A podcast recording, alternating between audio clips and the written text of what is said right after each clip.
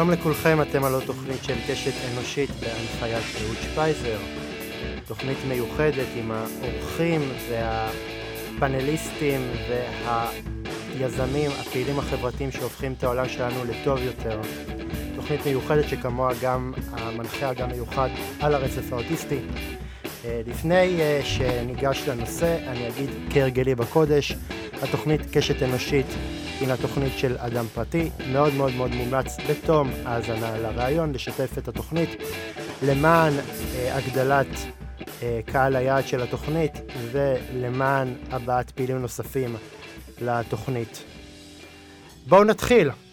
התכנון העיר... העירוני בארץ זועק למתיחת פנים. למחירי הדירות המרקיעים שחקים כבר התרגלנו, אבל מעבר ליוקר המחיה בשנים האחרונות קמה תרעומת ציבורית על איכות הגימור של התכנון העירוני, שבמידה רבה של צדק יהיו שיגידו שהוא לוקה בחסר. חוסר יכולת להתמודד עם גודש בכבישים, שכונות של רבי קומה שנבנות אה, בריחוק מעוגני המסחר והקהילה, וכל זה כשברקע עולה הדאגה מההשלכות של הבנייה המסיבית על איכות הסביבה שלנו. האורח של קשת אנושית להפעם הוא איש צבא, שעשה אקזיט מרשים ביותר, הוא קצין בדרגת תת-אלוף במילואים, בתפקידו האחרון שימש כמפקד עוצבת אדום. הוא בעל תואר במשפטים מטעם אוניברסיטת נוריץ' ותואר שני בלימודי ביטחון מטעם המכללה לביטחון לאומי. יש לו תואר שני במנהל עסקים מטעם אוניברסיטת תל אביב ותואר שני במדע המדינה מאוניברסיטת חיפה. לאחרונה קיבל תואר דוקטורנט במשפטים מאוניברסיטת בר אילן. הוא מקדיש את פעילותו הציבורית לקידום תחום ההתחדשות ודיור מתוקף תפקידו כיו"ר הוועדה להתחדשות עירונית, כחבר הוועדה המקומית לתכנון ובנייה, והוא משמש משנת 2016 אה, כראש מטה יש עתיד. במסגרת תפקידו הוא, הוביל את ארבעת מערכות הבחירות לכנסת בשנים 2019 ו-2021. ומסוף יולי 2021 הוא מכהן כסגן יו"ר קק"ל. יש עימי הכבוד לארח את רועי אלקבץ. שלום רועי. אהלן אהוד, שמח להיות איתך פה. תודה רבה. Uh, רועי, גילוי נאות, אתה איש הצבא הראשון uh, שמתראיין אצלי uh, בתוכנית כבוד גדול, ואני מצדיע לך כאות, כאות כבוד. אין צורך, אין צורך. Uh, רועי, אני, אני רוצה לשאול שאלה שלא תכננתי לשאול, אבל uh, יאיר לפיד, יו"ר המפלגה uh, שאתה פעיל בה, מונה להיות ראש הממשלה של מדינת ישראל, יש לנו ראש ממשלה טרי. מה, אתה רוצה לחלוק בתחושות שלך? קודם כל, ברמה האישית, אני מאוד מאוד שמח. גם אני, ואני מייצג אלפים אלפים של פעילים, וגם בתל אביב מאות רבות. אני חושב שאני מכיר מצוין את יאיר גם ברמה האישית. הוא איש ראוי וטוב, חכם, עם לב במקום הנכון, יכולת ניהולית מאוד נדירה. הקים מפלגה שהיא חיה ובועטת ונושמת עשר שנים. הוא נהיה באמת פוליטיקאי ומדינאי אה, מקצועי. אנחנו סומכים עליו, מאחלים לו הרבה הצלחה. כן. הוא גם חבר אישי, זה, זה החלק האישי היפה, אבל ברמה הלאומית אנחנו ממש אה, איתו ובשבילו, ומקווים שיצליח כמה שיותר. כן, אני, אני גם אה, מקווה, אתה יודע, אני חושב אה, שמה שאני מאחל לכל אה, ראש ממשלה זה, ש, זה שהוא יצליח, גם אם הוא ראש ממשלה שהוא לא בדעות שלי הפוליטיות, אני חושב ש, שאנחנו צריכים לאחל הצלחה, כי ראש ממשלה גם מייצג את המדינה שלנו, ואנחנו צריכים... להיות, להיות איתו אה, גם, אה, גם בהישגים, ו- ואנחנו איתו גם בכישלונות. אתה צודק לגמרי. של, בסוף הוא של כולנו, לא משנה מאיזה מפלגה. כן. אז, אז רועי, אני חושב שה, שהמצב העירוני בישראל הוא, הוא, הוא מהמסובכים ביותר, כי אנחנו מדינה קטנה, שכל הזמן נמצאת בהתפתחות, ועכשיו זאת מדינה שהגידול שלה, של, הא, של האוכלוסייה, אנחנו מדינה שמביאה הרבה מאוד ילדים לעולם, אז, אז אתה יודע, אני מרגיש שבאיזשהו מקום כבר אין למדינה הזאת לאן להתרחב, ובונים המון המון המון, ו, ובאיזשהו מקום התשתיות לא ערוכות לגידול כזה של אנשים. אתה מסכים איתי? נחלק את זה לש, לשניים בגדול. קודם כל, אתה צודק שאנחנו בפני גידול ענק. Mm-hmm. ישראל מונה נניח פלוס מינוס קצת יותר מתשעה מיליון, והיא עתידה להיות, לפי הנתונים של המדינה, כ-15-16 מיליון ב-2040. תל אביב, ונגיע לתל אביב, מונה היום 460-470 אלף איש, עתידה להיות 700 אלף איש ב-2040. זה נתונים של המדינה. אחרי זה, אגב, צפויה התמתנות. יש ירידה משמעותית מאוד עם השנים, 20-30 שנה האחרונות, גם במגזר החרדי, גם במגזר הערבי. המגזר החילוני או המסורתי הישראלי הוא באמת יוצא דופן במערב. אני חושב, אבל הצפי הוא שישראל תתייצב על 15-16 מיליון. אה, רוב המאה הזאת זה מה שיקרה, כלומר יהיה בסוף משהו די מאוזן, זה לא יהיה פתאום 50 אה, מיליון. הדבר הזה יוצר מורכבות ואתגרים אדירים, אני מסכים איתך. כן. אז אה, רועי, מה הם הכשלים שקיימים בתכנון העירוני כאן בארץ, ואיפה משרד הבינוי מתקשה לתקן את הכשלים האלה? תשמע, קודם כל זו שאלה אה, שדורשת הסתכלות ארוכת טווח ו- ושנים אחורה. Mm-hmm. אני בדעה, וזה גם נתונים תומכים בזה, שכל מערכת תחבורת ההמונים והסעת ההמונים והרכבות איחרה שנים רבות. כלומר, אם התכנון של הרק"ל בירושלים התחיל ב-2006 והרק"ל כבר נסע ב-2012, למה בתל אביב זה יקרה רק ב-2022 קו אחד, ועוד שני קווים יהיו ב-2027-2028? כלומר, תחשוב שבין תל אביב לירושלים, שתי ערים שסמוכות 60 קילומטר אחת בשנייה, יש 15 שנה הבדל ברכבת קלה. דבר שהוא לא הגיוני. כל סוגיית המטרו, כמשל, הסעת ההמונים, היא הוזנחה המון המון שנים. הדבר הזה יצר בעיה קשה מאוד, ויצר עומסים בלתי רגילים, ותחבורה הציבורית, הסעת ההמונים, איננה אה, אה, לשביעות רצון של חלק גדול מהציבור, ואנחנו במקום אה, לא מספיק טוב, ולכן הגודש בכבישים והטירוף של, של הפקקים הוא אדיר. לגבי התכנון העירוני, שוב נדבר על נתוני המקרו, לא מעט שנים לא נבנו מספיק יחידות דיור כל שנה, לא הופשרו קרקעות בהיקף מספיק ולא נבנו מספיק. אני מדבר על העובדות. ולכן נוצר סוג של פער, שרק עכשיו אנחנו מגיעים ל-70-80 אלף יחידות דיור חדשות אה, בשנה. עכשיו בסוף, כמו שאמרת, יש לנו גידול רב, הרבה ילדים גדלים, יוצאים מהבית וצריכים לגור איפשהו, וחסרות דירות. והפשרה של הקרקעות הייתה מועטה למול הצורך, וזה בסוף עשה גירעון וחיסרון שעכשיו לוקח שנים אה, לתקן אותו. כן. ו- וזה באיזשהו מקום אה, גם, אבל, אבל גם כשעכשיו, כשהם מפרישים קר- קרקעות, תסכים איתי שגם הקונספט של הבנייה אה, לאנשים היא, היא מאוד מאוד מאוד מיושנת ולא בהכרח הולמת את אה, רוח התקופה. אני ש... תראה, השאלה זה למה אתה מתכוון. תראה, בוא, נעשה, בוא נדבר שנייה על תל אביב. Mm-hmm. נראה מה הנתונים האובייקטיביים של תל אביב כ- כמקרה בוחן. זה לא כל ישראל, אבל תל אביב היא עיר קטנה מאוד, 52 אלף אה, אה, דונם.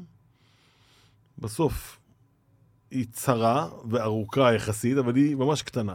77% מהעיר בנויה, בנוי. כלומר, שטח בנוי מהווה 77% מהעיר תל אביב. עכשיו, אנחנו רוצים, אפרופו איכות סביבה, שתהיינה גינות, שיהיו שטחים ציבוריים, שיהיו מרחבים קהילתיים. אין שום יכולת לעשות את זה למעט בנייה לגובה. זה פשוט, זה פשוט פיזיקלי. יש עיר קטנה שהיא נתונה, יש לה מעט מאוד, 20 פלוס מינוס אחוז שטח פתוח, ומצד שני צפוי גידול ענק. אלה שלושה ארבעה משתנים, שאיך שאתה לא הופך אותם, מובילים למסקנה אחת, לבנות יותר לגובה, שוב. ולזה אני מסכים, זה צריך להיות מאוזן. יש הרבה מאוד שכונות, שכונת שפירא, אה, ביצרון, שכונות בכל רחבי העיר, שהן שכונות קטנות, נמוכות, נווה אליעזר, יש רבות. הן לא צריכות להיות עכשיו 15 ו-20 קומות. אבל יש שכונות שהן גבוהות, ואתה מאפשר את עד 16 קומות. שם צריך למצא, למצות את זה. וזה הכל שאלה של איזונים. בין בנייה מרקמית, 8, 10 קומות, לבנייה גבוהה, 16 קומות, לבנייה ממש גבוהה, שזה אגב מה שיקרה באזור שדה דוב החדש, או ב-3700, התוכנית שמדברת על ממש אזור סיאנסן, בחלק הצפוני של, ה, של העיר. שם תהיה בנייה יותר גבוהה וחדשה. כן. אה, זה גם אה, מה שקורה בהרבה מאוד אה, ערים שהן לא רק בתל אביב, אני מסתכל על הרבה מאוד ערים בגוש דן והסביבה, ואתה פשוט רואה... מסות. מסות אדירות של, של בניינים גבוהי, גבוהי קומה. אבל זה כאילו, זה איזשהו משהו שבאמת uh, מתכתב uh, ל... לעניין התוכנית uh, החדשה של, של תמ"א, או, ש, או שזה באיזשהו מקום, החלטה שבאיזשהו מקום אומרת, יש לנו הרבה מאוד שטחים פתוחים, בואו בוא נמקסם אותם ונבנה עליהם בשביל שנוכל... אני חושב שהצורך בא מהצורך של ישראל לגדול, mm-hmm. דמוגרפית. משם זה מתחיל. ראשון לציון, דוגמה. 270 אלף איש. תוך 15 שנה צפוי להיות 400 אלף איש. זה גידול של ילדים, של משפחות, של... אתה יכול לתכנן את זה בתכנון עירוני.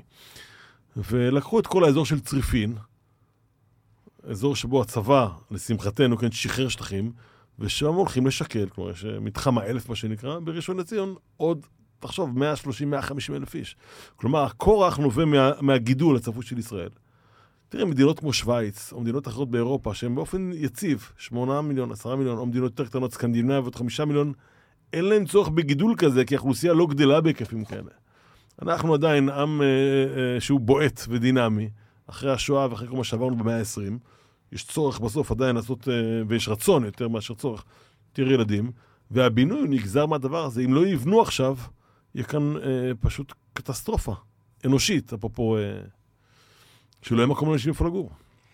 אז, אז אנחנו הזכרנו את uh, תוכנית uh, תמ"א אחת שלצערי הרב uh, לא, לא מיושמת במלואה ב, ברחבי הארץ, ורציתי לשאול, רועי, מדוע כל כך קשה uh, ומדוע כל כך הרבה מבנים וערים בארץ לא עוברים שיפוץ וסובלים uh, מסגת החלטת uh, תמ"א אחת? שאלה מצוינת. צריך ללכת טיפה אחורה כדי להבין את התמונה כדי שהמאזינים יבינו. עד שנות ה-80, מדינת ישראל בנתה דיור ציבורי. אבא שלי היה מנהל מרחב דרום של עמיגור. הוא היה אחראי על 15 פלוס אלף דירות, שהם היו דיור ציבורי, שבהם השתכנו אנשים לשכירות לכל החיים, חלקם קנו את זה. בשנות ה-80, שישראל הפכה יותר ויותר לכלכלת שוק חופשי, המדינה פחות בנתה, בנו היזמים. אוקיי? יזם שלוקח סיכון, לוקח מימון מהבנק, הוא בונה, בונה דירות, מוסר אותם לבעלי הדירות, אבל הוא צריך להרוויח ואסור לו לפשוט רגל. ברגע שעניין הפך להיות כלכלי יותר, כי זה מה שקרה, אזי הלכו, עם השנים, מדברת על ה-35 שנים האחרונות, הלכו למקומות שבהם זה כדאי כלכלית. איפה כדאי כלכלית? בגוש דן, רבתי. ולכן מה שקרה, הוא שכל, זה התחיל להתגלגל עם תוכניות למיניהן, מה תוכניות התמ"א שהיו בהניח ב-10, 15, 20 שנה האחרונות, שיפוץ של מבנים, שדרוג וחיזוק, הלכו לאיפה שכלכלי. יותר כלכלי בראשון, בגבעתיים, בתל אביב, מאשר קריית שמונה או, או בית שאן. ואז מה שקרה, השוק עבר איזה עיוות, מה שמשך זה הכלכליות, כי אם אתה נניח, או אני ואתה קבלנים, ואנחנו רוצים לבנות נניח בקריית שמונה, או בבית שאן, או בכל מחר, או בטבריה, אנחנו צריכים לא להפסיד כסף. ונוצר מצב שכדי לשדרג את אותו מבנה שהיה ישן, וכדי שיהיה כלכלי לקבלן, צריך שמחיר הדירות ומחיר הקרקע יותר גבוה. הדבר הזה ש... יצר עיוות, והמצב הוא לא טוב היום. אז זה שוב, זה הולך למקומות uh, שהם במרכז, שהם שוחים בכסף, ומקומות uh, כמו, כמו טבריה, שאתה יודע, אנחנו כל שנה שומעים על, uh, על, כמה, על כמה היינו קרובים למצב אה, שהיה אסון טבע וברגע, האחר, וברגע האחרון הוא נמנע, ואנחנו רואים, אנחנו מסתובבים בטבריה ורואים את המבנים האלה בני... 60 אה, שנה. 60, כן, פלוס, פלוס מינוס, אני לא, אני לא מתיימר, אני, אני, בזמנים האלה אני, אני אפילו לא הייתי בתכנון, אז, אז אני לא, לא יודע אבל להגיד. אבל הבנייה המסיבית הייתה בשנות ה-50 וה-60, שהמדינה ממש גדלה. אני חושב שאתה צודק לגמרי. והרבה מאוד בטח על, ה, על השבר הסורי-אפריקאי, שבו אנחנו יודעים שיש סיכון רב מאוד למבנים, מקריסה ומסדקים מטורפים. אם המדינה לא תעשה סוג של הטיה והזרמת כספים ועידוד מכוון ומפלה במובן הטוב לכל האזורים שהם פחות במרכאות כלכליים, לא יהיה להם, אה, המקומות לא יתקדמו. כאן חייבת להיות התערבות מדינתית כדי לפצות על העובדה שהשוק ומחיר הקרקע והכדאיות ליזמים וקבלנים היא פחות, ובסוף זה שוק חופשי.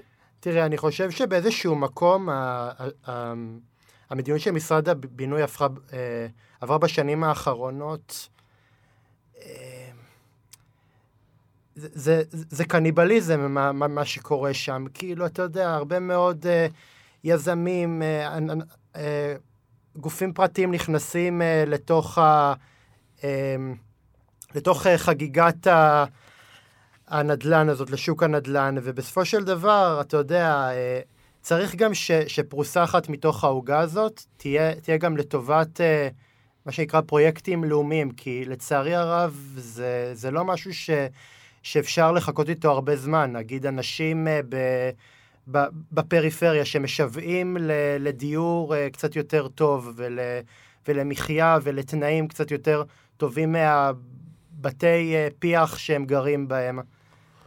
אי אפשר לחכות עם זה יותר מדי זמן. קודם כל, לאחרונה, שוב, אני לא איש משרד השיכון, אני חושב שהאמירה של קניבליזם היא קצת חזקה מדי. יצאו בלא מעט תוכניות גם לאחרונה על דיור, כולל הגרלות, גם בדימונה וגם באזורים שבפריפריה. אני אומר, אמירה שלי, אני אומנם עוסק בעיקר בתל אביב, אבל אין ספק, אין ספק שיש כאן אתגר לאומי לחזק את הפריפריה. אני חושב שהמרכזיות של גוש דן רבתי, של ארבעה מיליון היא, היא רבה מדי. בן גוריון, אגב, הזהיר מהסיפור הזה.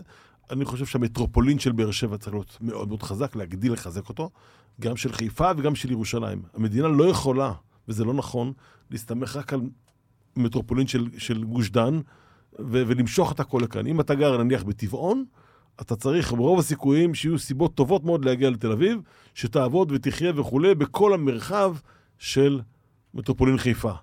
אני חושב שההבנה היא גם שצריכים ללכת לשינוי בתפיסה ולבנות הרבה יותר אה, פרויקטים של דיור בר השגה ושכירות ארוכת טווח. אנחנו מבינים את זה בתל אביב, וזה יגיע לכל הארץ. אני חושב שגם צריך לשנות את הקונספט. אי אפשר יהיה שכולם יחזיקו בדירות. אי אפשר. אגב, באירופה יש מדינות רבות שבהן אה, המיעוט מחזיק את הדירות, והרוב בשכירות ארוכת טווח, והם אה, יציבים להרבה מאוד שנים, כמו שהיה פעם בעבר. לדעתי יש חזרה לסיפור הזה, כולל בתל אביב, אנחנו הולכים לחייב גם יזמים וקבלנים ש-20, כ-20% מהדיור יהיה בר השגה, בקרקע עירונית 50%.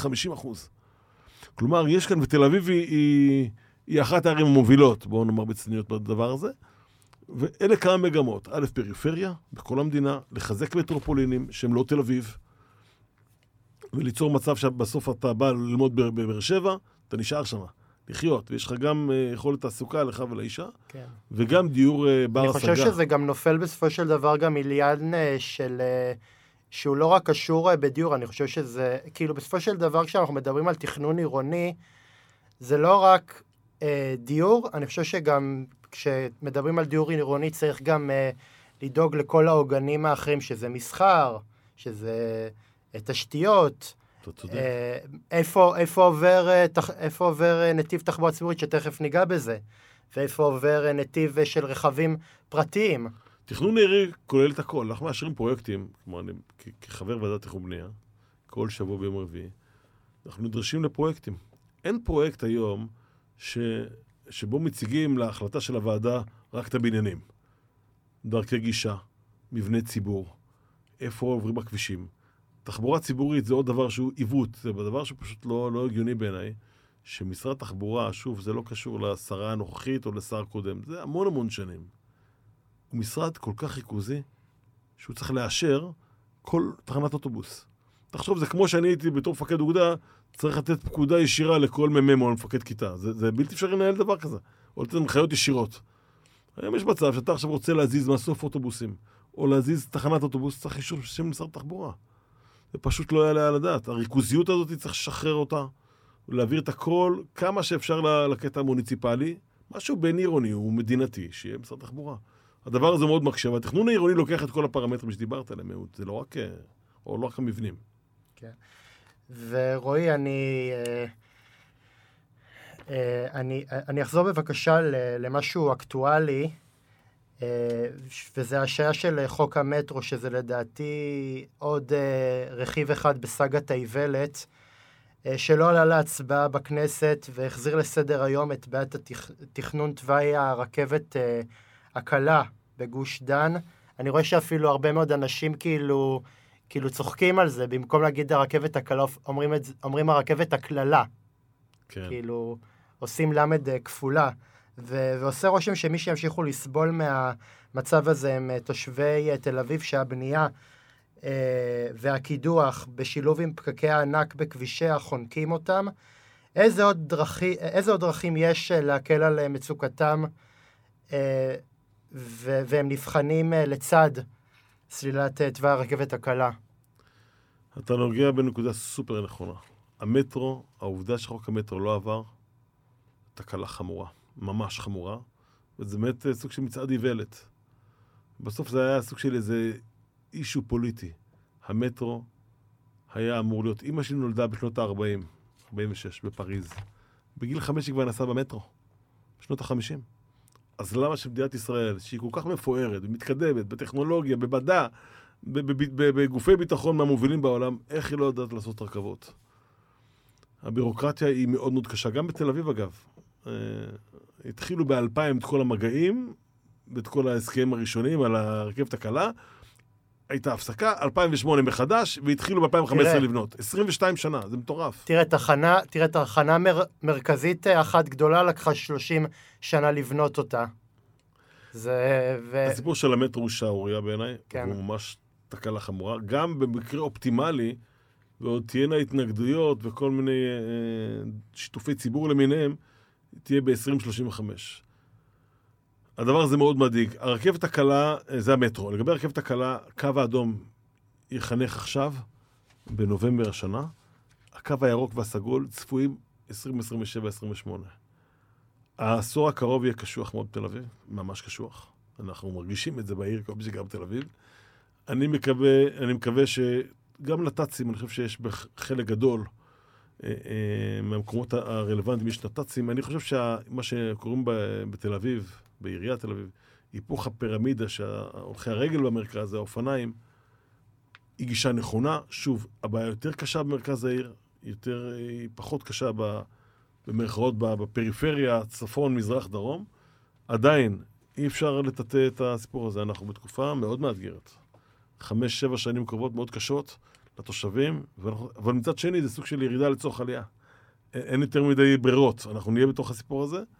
ואנחנו עסוקים בזה כל הזמן. תראה, יותר נמוך מזה אי אפשר, אי אפשר לרדת, אתה יודע, כן. אתה, אתה יודע, אני, לא, זה, אם אני שם רגע את הציליות בצד, תשמע, אה, אני גר ברמת החייל, אה, שכונה פסטורלית, שכונה, שכונה שהייתה לא מזמן שכונה, שכונה נעימה, פתאום, אתה יודע, פתאום אה, שמים שם גדרות ו- וקודחים לך, ופתאום משהו ש- שאמור להיות אה, פרבר אה, ב- בתל אביב נהיה, נהיה כאוס תחבורתי, ואני לא רוצה להשתמש בשפה...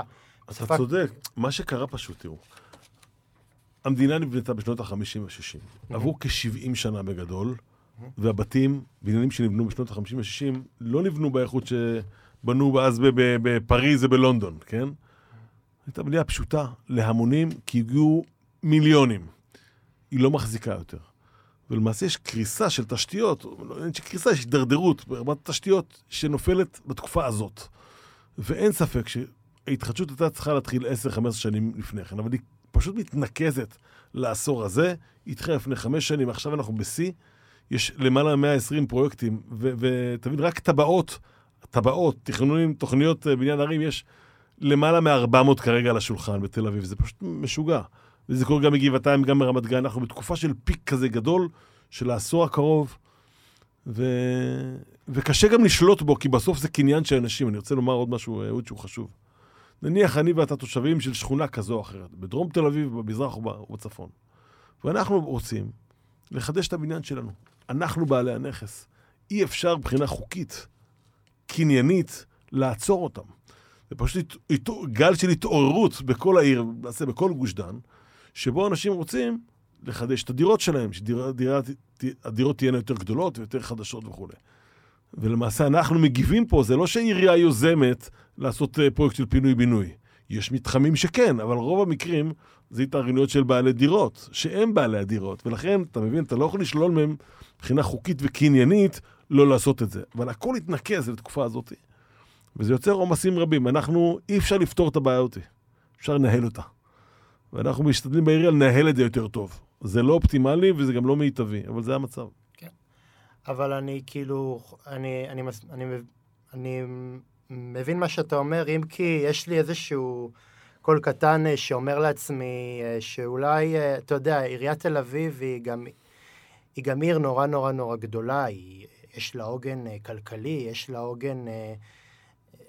הרבה מאוד צעירים באים אפילו מערים שכנות, סמוכות, לעבוד בתל אביב. אז באיזשהו מקום אני כאילו אומר שאם עיריית תל אביב מנהלת uh, דברים שבר, שמחוצה לה לא מיושמים בצורה כל כך טובה.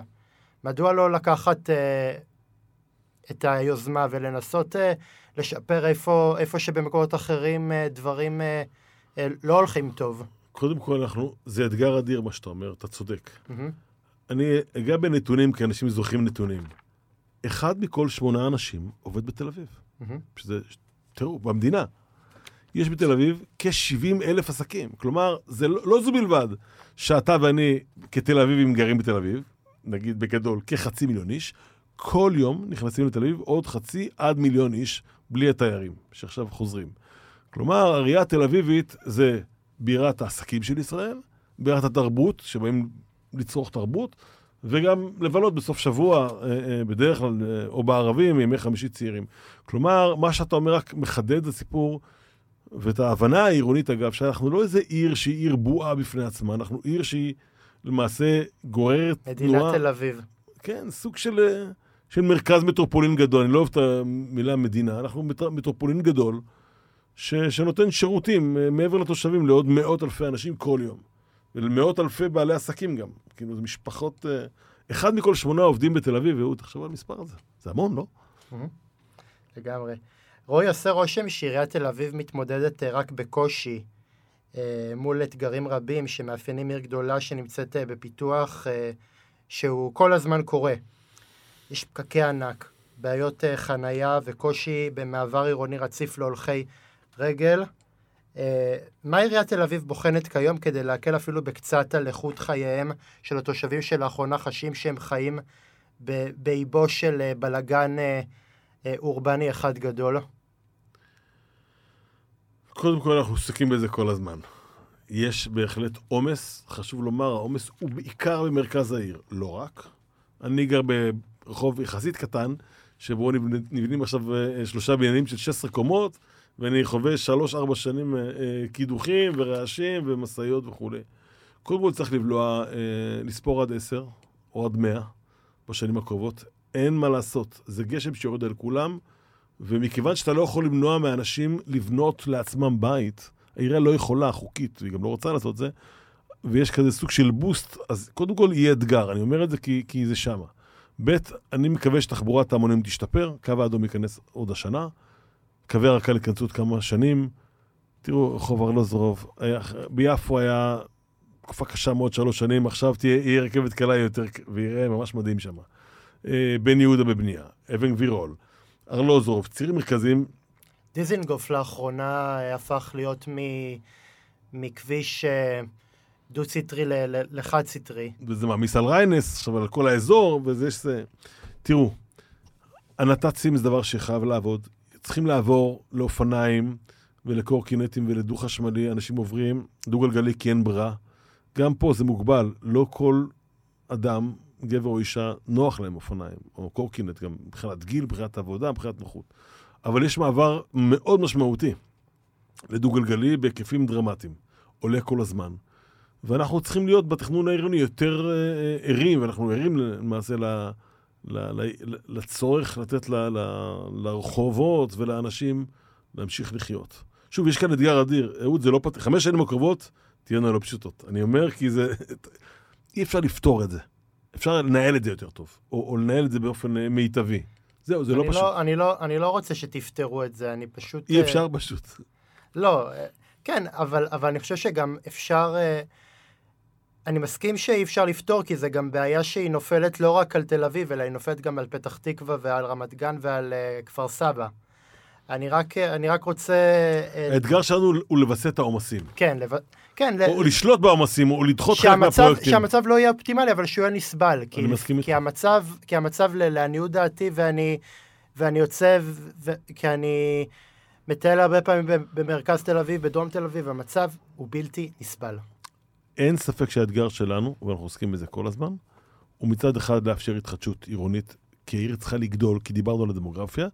מצד שני, בעיקר מרכז העיר, והיו על זה שיחות מאוד uh, ערות וקשות בתקופה האחרונה, במועצת העיר, בתוך, uh, uh, עם ראש העיר, איך אנחנו בסוף uh, uh, מווסתים את העומסים. שוב, משתדלים לעשות את המיטב, לא בקשר פשוט. עם, אתה בקשר עם חולדאי? ברור. אז, אז אתה, אתה, אתה, יודע, אתה יודע, הרבה אנשים אומרים על חולדאי שהוא, שהוא ראש עיר לא קשוב, ושהוא ראש עיר ש, שלא, שלא אוהב לקבל ביקורת.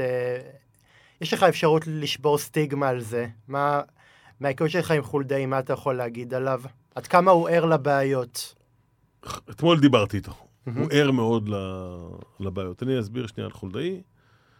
אה, אני לא בסיעה שלו, אבל אנחנו איתו בקואליציה, אבל גם, אני יכול להגיד, אני בחרתי בו כל השנים. Mm-hmm. חמש מערכות בחירות.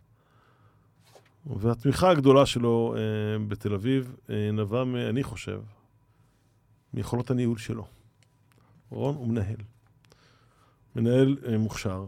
הוא הביא דרג מקצועי מאוד מוכשר בתל אביב, ראשי המנהלים וראשות המנהלים. הם אנשים, אנשי מקצוע. והוא דגל בגישה פרופסיונלית של להביא אנשי מקצוע בכל התחומים, ולהיות מעורב. ואני חושב שרון נבחר, ויש לו סוג של, של uh, סטיגמה שהוא במרכאות לא נחמד וזה, הוא גם מתייחס לזה בעצמו.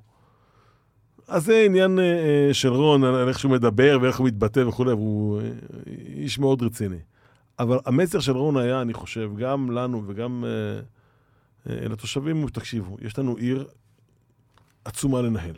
של מיליארדים של שקלים כל שנה, היקפים דרמטיים של אנשים ופרויקטים וכולי. ואני יודע מה נכון לעיר, זה החזון שלי, ואני הולך עם זה. זה לא שרון לא קשוב, אבל פשוט, אני אומר מניסיון גם רק של שלוש שנים, אני אומר את זה בצניעות רבה, לכל דבר יש מתנגדים. לכל מבנה שתקים, תמיד יגידו, זה מצוין המבנה הזה, לאנשים עם מוגבלויות, לאנשים, אה, אה, מבני חינוך, בית ספר וכולי, לא משנה, יגידו, זה מצוין, רק לא בבניין שלי, לא בשכונה שלי, לא ברחוב שלי. ואתה כל הזמן אה, אה, מת, מתעסק עם זה. ורון בסוף היה צריך לעמוד איתן, כסלע כזה, מול הרבה מאוד התנגדויות לכל דבר, ו... ולהוביל את העיר קדימה. אם מסתכלים על 25 שנה אה, אה, שרון אה, ראש עיר, מה ששלו שלו. אי אפשר לקחת מה שקרה בעיר ב-25 שנה האחרונות. נכון, שחלק מהדברים לא מוסכמים על הכל, ויש לעיתים חילוקי דעות על פרויקט כזה או אחר, ויש כל מיני דוגמאות, אבל בסך הכל הכללי, צריך להיות הוגנים. הוא עשה ב-25 שנה, גרם לתנופה רצינית, ואתמול הוא אמר לי גם, דיברנו זה, הוא בדיוק אמר, שהדבר הגדול, דיבור, היינו ביפו בציור של המועצה ברק"ל, האתגר הגדול הוא לעמוד בפני התנגדויות, על תחנה מרכזית, ועל עכשיו כיכר אתרים, כל פעם התנגדויות ואנשים.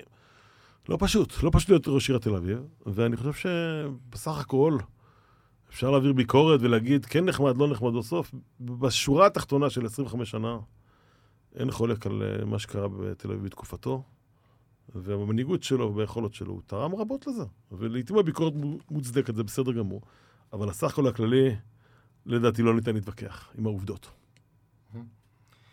ו... ולמה, ולמה, מה רון, אתה יודע, אחד הדברים שהכי משכו ביקורת זה, זה שרון אה, בסופו של דבר, אה, ברגע האחרון, אה, תקע את, המעבר, את המעבר של התחנה המרכזית ל, לאזור הזה ב, בחולון, ב, בדרך בן צבי. אתה, מה, מה היה השיקול? תראו, אני לא רוצה להיכנס לדבר כאן בשם רון, זה בסוף תזמין אותו ו... ויכול להיות שיגיע. אני רק אגיד על תחנה מרכזית כמה אמירות. מדובר בסוגיה מאוד מאוד מורכבת. תחנה מרכזית של עיר כמו תל אביב, היא מהגדולות בעולם לדעתי. תוכננה למיקום שהיא נמצא הרבה הרבה הרבה לפני שאני הייתי בעירייה. עם השנים נוצר כאן מפגע גדול מאוד, שחלקו גם תרמו אה, בעלי הנכסים שם, בעל הנכסים שם, בהזנחה של המתחם. יש היום בעיה של איכות סביבה, יש בעיה של אה, זיהום, ויש כאן בעיה קשה. מה שלאחרונה דובר, ועל זה גם uh, התקבלה איזו החלטה, שעיריית תל אביב, משרד התחבורה, משרד להגנת סביבה, ישימו תוכנית חלופית כדי בסוף להפחית חלק מהבעיה. Mm-hmm. לא הגיעו להסכמה עם חולון או עם עזור או עם מקומות אחרים להעתקת כל הבעיות היא למקום אחר. וגם, כשהתחילו לדבר על העתקת התחנה המרכזית, קמה צעקה משכונות שכנות. מה, אתם עכשיו מעבירים, מעבירים את הבעיה ממקום אחד לשני? צריכים לפתור את זה בצורה גנרית. אז קודם כל, חובת ההוכחה על עיריית תל אביב ועל ראש העיר, כי הם התחייבו לזה. הבעיה היא קיימת. אבל הכוונה, אני חושב, הוא לקחת, לפרק חלק מהבעיות של תחנה מרכזית הקיימת למספר מקומות, מספר מוקדים, להיכנס לתחבורה שהיא פחות מזהמת, לעשות מספי אוטובוסים, כמו שהעיר יודעת לעשות, שהם טובים והם יעילים והם באזור שהוא פחות uh, בנוי, זה לפתחנו. זה uh, בהחלט uh, סוגיה מהותית, והתושבים uh, בנווה שאנן, באזור הזה, בהחלט uh, מדברים בדם ליבם, ואני מבין אותם. אנחנו צריכים לטפל בבעיה אותי, וזו בעיה uh, קשה. רועי, למה עיר כמו תל אביב, עיר מרכזית שאנשים באים וחוזרים ממנה בדרכם לעבודה,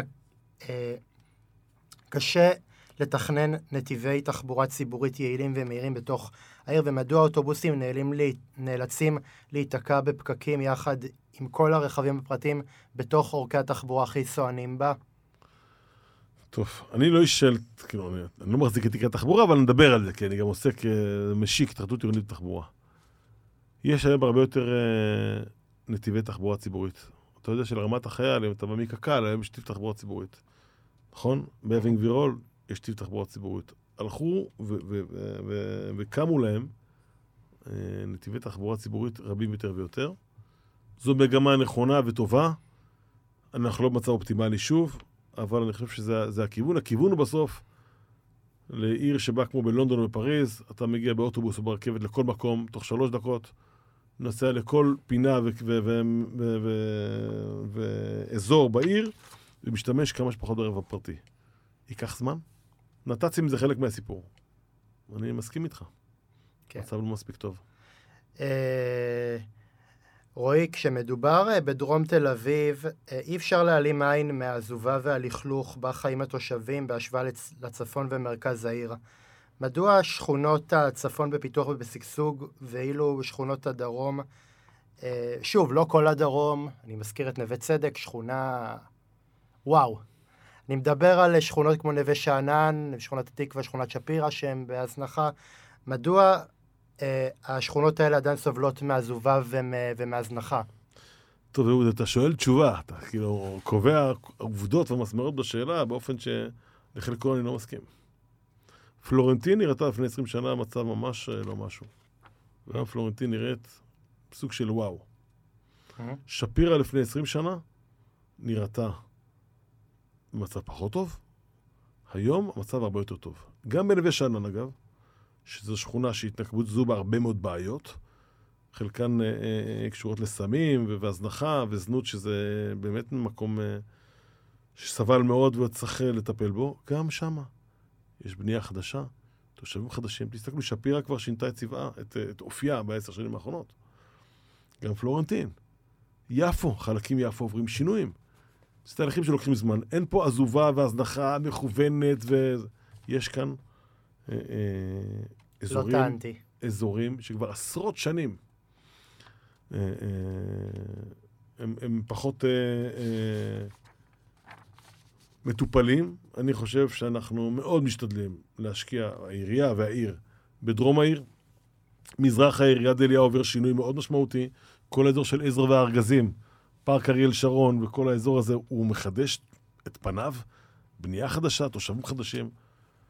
גם יפו, כאילו, בסוף זה תהליכים אורבניים, שהאתגר שלנו הוא לחדש את השכונות, לשפר את, ה, את המענה הקהילתי והחברתי, אבל לשמור את התושבים בבתים שלהם. ושלא יהיה מצב שרק משקיעים ואנשים עם יכולות, בסוף יגרמו לכך שאנשים אה, אה, שגרים עשרות שנים אה, יעזבו. שכונת התקווה, אגב, שתדע. יש שם בעיות מטורפות של פרצלציה ושל של, אה, זכויות בנייה. זה משהו מאוד מאוד מאוד סבוך, שייקח שנים לפרום אותו, מטפלים בזה. יש תהליך עצום עכשיו. שוב, אהוד זה תהליכים. עיר משנה את, את פניה היציבה, זה לוקח תהליכים, יש תהליכים שקורים. אני חושב שהמגמה, גם במזרח העיר וגם בדרום, שזה זה, אלה העדיפויות העירוניות, היא מגמה חיובית וטובה. תשמע, ברור ש... זה לא, זה לא מושלם. תראה, ברור שכשג'נטריפיקציה ואנשים אה, צעירים באים לשכונות האלה, אז, אז דברים... אה, אה, אז פתאום זה מוסיף איזשהו אור ואיזשהו חיות לשכונה. גם, גם אני חייב להגיד שאני בהתחלה קצת, קצת עידנתי את השאלה, כי באמת אני לא חושב שהכל שחור בדרום תל אביב, יש הרבה מאוד דברים, דברים טובים, אבל... בעיקר אנשים טובים.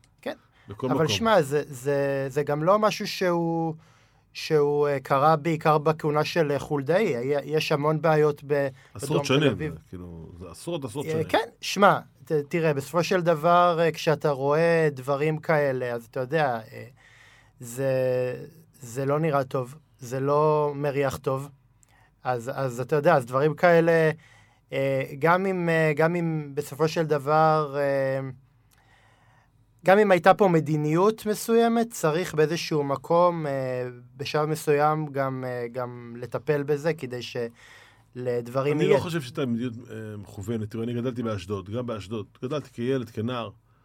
יש שכונות ששנים ארוכות היו עם בעיות, ולוקח זמן לשנות שכונות, לשנות את, ה, את, ה, את המענה העירוני ואת ה, את תרבות הדיור בחלק מהמקומות. זה עניין מאוד מאוד uh, uh, מורכב. אני חושב שגם אזור כרם התימנים, וגם אזור uh, uh, פלורנטין, וגם אזור נווה צדק, ועכשיו יפו ושפירא, וגם בדרום העיר, וגם במזרח, קורים דברים. דברים זזים, השילוב... כרם התימנים כבר מזמן לא, לא השכונה מוכת לא, הפשע שהיא הייתה. ברור, זה היה מוקד הפשע של, של המדינה בשנות ה-70. וגם שפירא, הרבה יותר טוב המצב. שוב, אלה תהליכים. אפילו נווה צדק, אתה יודע, נווה צדק... גם נווה אה, שרת, גם בצפון העיר, גם בהדר יוסף. שכונות גם בצפון העיר, ש... שבעבר מצבן היה פחות טוב, והשתפרו מאוד. זה תהליכים ארוכים, אבל... נווה שרת בכלל הייתה מעברה, אני... חד משמעית. כן.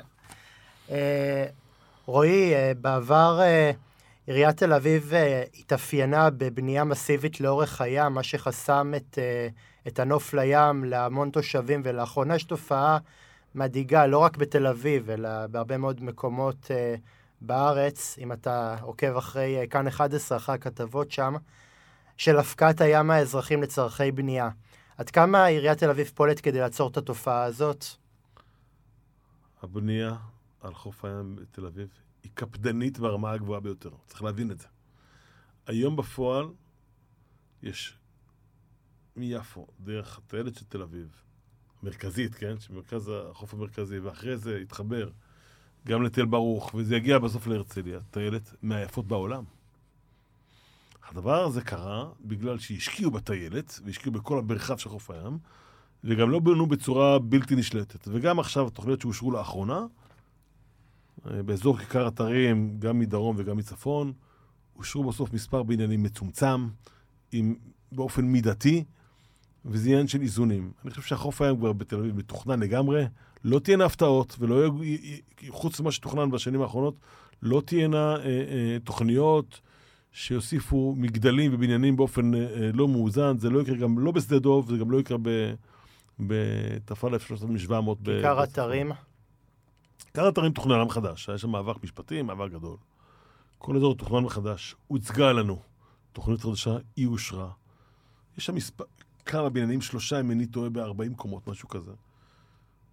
כן, אז uh, צריך למצוא איזון בין חוף ים להמונים, לבין בסוף לשים גם תיירות. אנחנו במצוקה מטורפת של חדרי מלון בתל אביב. אתה רוצה תיירות, בסוף, תחשוב כמה אטרקטיבי בסוף לשים מלון שהוא בסמיכות לחוף הים. שוב, יש מספר מלונות מתוכננים, תמיד יהיו כאלה שיגידו שלא צריך, שלא צריכים מגדלים, אבל אני אומר, תקשיבו, יש כאן עיר שהולך להיות 700 אלף איש, 75, 77 אחוז ממנה עכשיו בנוי, צריך לעלות לגובה כי אין ברירה, וצריך לעשות את זה בצורה מאוזנת, לפי השכונה, לפי האזור. וזה אתגר אדיר. שוב, אין פה פתרונות קסם, אבל זה, זו, זו הגישה העירונית, ובאופן אה, כללי, אני מסכים איתה. אה, רועי, לאחרונה יש שחיקה בדיור הציבורי כאן בארץ, שזה בכלל, שזה מכת מדינה איומה ובלתי נסבלת. דבר שמשאיר את הצעירים בלי אופק אה, לדירה, ולעומת זאת יש בנייה מסיבית של אה, יחידות דיור שאדם של צעירים אינה משגת כדי לקנות אה, אותם. האם המדיניות של תל אביב, שעד כה אישרה ליזמים פרטיים לבנות אה, בשטחה דירות יוקרה שתשנה את הטון ותעודד דיור ציבורי? לגמרי. קודם כל זו נקודה מאוד נכונה. בשנה האחרונה שעובדים על תוכנית דיור חדשה, זה גם פורסם בתקשורת, הכוונה שלנו להגדיל מאוד את הדיור הציבורי, דיור בר השגה, שכירות ארוכת טווח, ומהקרקע העירונית להקדיש חצי לדיור בר השגה, מהקרקע של היזמים כרבע. אגב, או 20 אחוז. באנגליה, אגב, מה שמקובל בבריטניה הוא 30 אחוז בערך. זו המגמה. כדי ליצור מצב שאתה יכול להיות איש בחור צעיר, סטודנט, בעלי מקצועות חופשיים, יש לך שכירות עכשיו לעשרות שנים. זה תהליך, שוב, אין פתרונות קסם, אבל לדעתי זה הכיוון, ודיור ציבורי אה, יקבל אה, בוסט רציני בתל אביב, ואני מניח שהוא יעבור לכל הארץ. שוב, זה לא ייתן פתרון להכל, אבל אנחנו אה, אה, בהחלט חושבים שזו מגמה חשובה. אה, רועי, אני מאוד מאוד אה, שמח שהחזקת מעמד עד כה, כי אנחנו לקראת סיום. מחזיק, אני ורציתי- חזק. רציתי אה, לשאול על אילו פרויקטים אתה עובד בימים אלה כדי לשפר את פניו של התכנון העירוני בתל אביב. אני ברמה האישית, תראו, יש הבדל, או יש אה, שונות בין מה שעושה איש ציבור בעירייה, חבר מועצה סגן ראש עיר, למה שעושים אנשי המקצוע. אנשי המקצוע בתחום התכנון העירוני הם אדריכלים ומתכנני ערים. זה, זה שני מקצועות. אנחנו מכוונים את המפרשים של הספינה הזאת שנקראת תל אביב דרך ועדת תכנון בנייה. שם מאשרים פרויקטים, וזה מאוד מאוד חשוב. מה שאני, דברים שאני הובלתי ותמכתי, הובלתי וגם הגיעו לשלב מימוש, ומסמכי מדיניות, הקמה של מחלקה חדשה של התחדשות עירונית, שעומד בראשה אדריכל, בחור בשם תמיר קהילה, שזאת מחלקה חדשה שהיא למעשה מסנכרנת ומתאמת את כל ההתחדשות העירונית בכל העיר. אני שלוש שנים עובד על זה, לשמחתי זה קיבל את הגיבוי של מנכ"ל העירייה, והכוונה היא שאותה מחלקה תדע לנתח ולנטר מקומות עם בעיות, חסמים, בראייה עירונית, לתת להתחדשות עירונית אה, אה, עוד אה, אה, אה, קרקע ועוד אה, אה, אמצעים כדי להתפתח קדימה. דבר מאוד מאוד חשוב, ואני חושב שהתחדשות עירונית והדיור הוא, הוא נושא ב, בליבה של הליבה של העשייה ש, שלי וגם של, אה, של קברניטי העירייה. רועי, אני אוהב לסיים את התוכנית עם אה, מסר חיובי, אז אני רוצה לשאול אותך, אה, מהי לדעתך פסגת ה- ההישג של התכנון העירוני כאן בארץ בשנים האחרונות? אני חושב שעל אף כל הצרות והרגולציה והבעיות וכולי, יש תנופת בנייה מטורפת בישראל. בכל עיר יש עשרות עשרות מנופים, והדבר הזה בעיניי הוא מבורך. כלומר, קודם כל יש דברים שקורים בפיזיקה של הדברים. אני חושב שגם קברניטי המדינה, משרד השיכון וכל גורמי התכנון מבינים שצריך לבנות יותר. הקבלנים מבינים את זה וגם התושבים. אני חושב שהמגמה של לחדש את המדינה היא מגמה דר... דרמטית בהיקפה. ולמרות כל הקשיים ותהיינה בעיות בתחבורה ובתשתיות, אנחנו ננצח את הסיפור הזה, ואני חושב שעוד uh, 15-20 שנה הילדים שלנו יחיו במדינה uh, טובה יותר מבחינת uh, הדיור ומבחינת המענה הקהילתי. זהו, בסוף הכל אנשים, זה הסיפור. אתה יודע מה, רועי? בוא נקווה ש... שכמות הבנייה אה, תעלה ומחירי הדירות ירדו. אמן, אמן, אמן. זה אחד כן. מהאתגרים, אין ספק. תודה רבה לך, רועי. תודה, אהוד. ותודה לכם, אה, קהל, לקהל הי- היקר והקדוש שמקשיב. תודה רבה לכם.